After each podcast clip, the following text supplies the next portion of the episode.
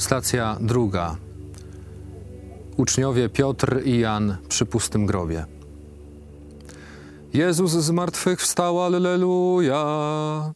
Prawdziwie zmartwychwstał, Alleluja! Z Ewangelii według świętego Jana. W pierwszym dniu tygodnia, wczesnym rankiem, gdy jeszcze panowały ciemności, przyszła Maria Magdalena do grobu i zauważyła kamień odsunięty od grobowca. Pobiegła więc i przybyła do Szymona Piotra oraz do innego ucznia, którego Jezus kochał, i oznajmiła im: Zabrano pana z grobu i nie wiemy, gdzie go położono. Piotr i ten inny uczeń wyruszyli więc i udali się do grobu. Obydwaj biegli razem, lecz ten inny uczeń wyprzedził Piotra i jako pierwszy znalazł się przy grobie. A gdy się pochylił, zobaczył leżące płótna, nie wszedł jednak do środka. Przybył także idący za nim Szymon Piotr i on wszedł do grobowca.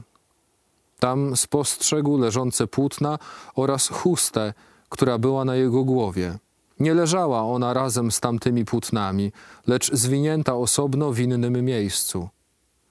Wtedy wszedł ten inny uczeń, który dotarł wcześniej do grobu, a gdy zobaczył, uwierzył. Maria Magdalena przyszła do grobu i grób był otwarty. Nie weszła do środka, może się bała, nie wiadomo, ale potrzebowała kogoś.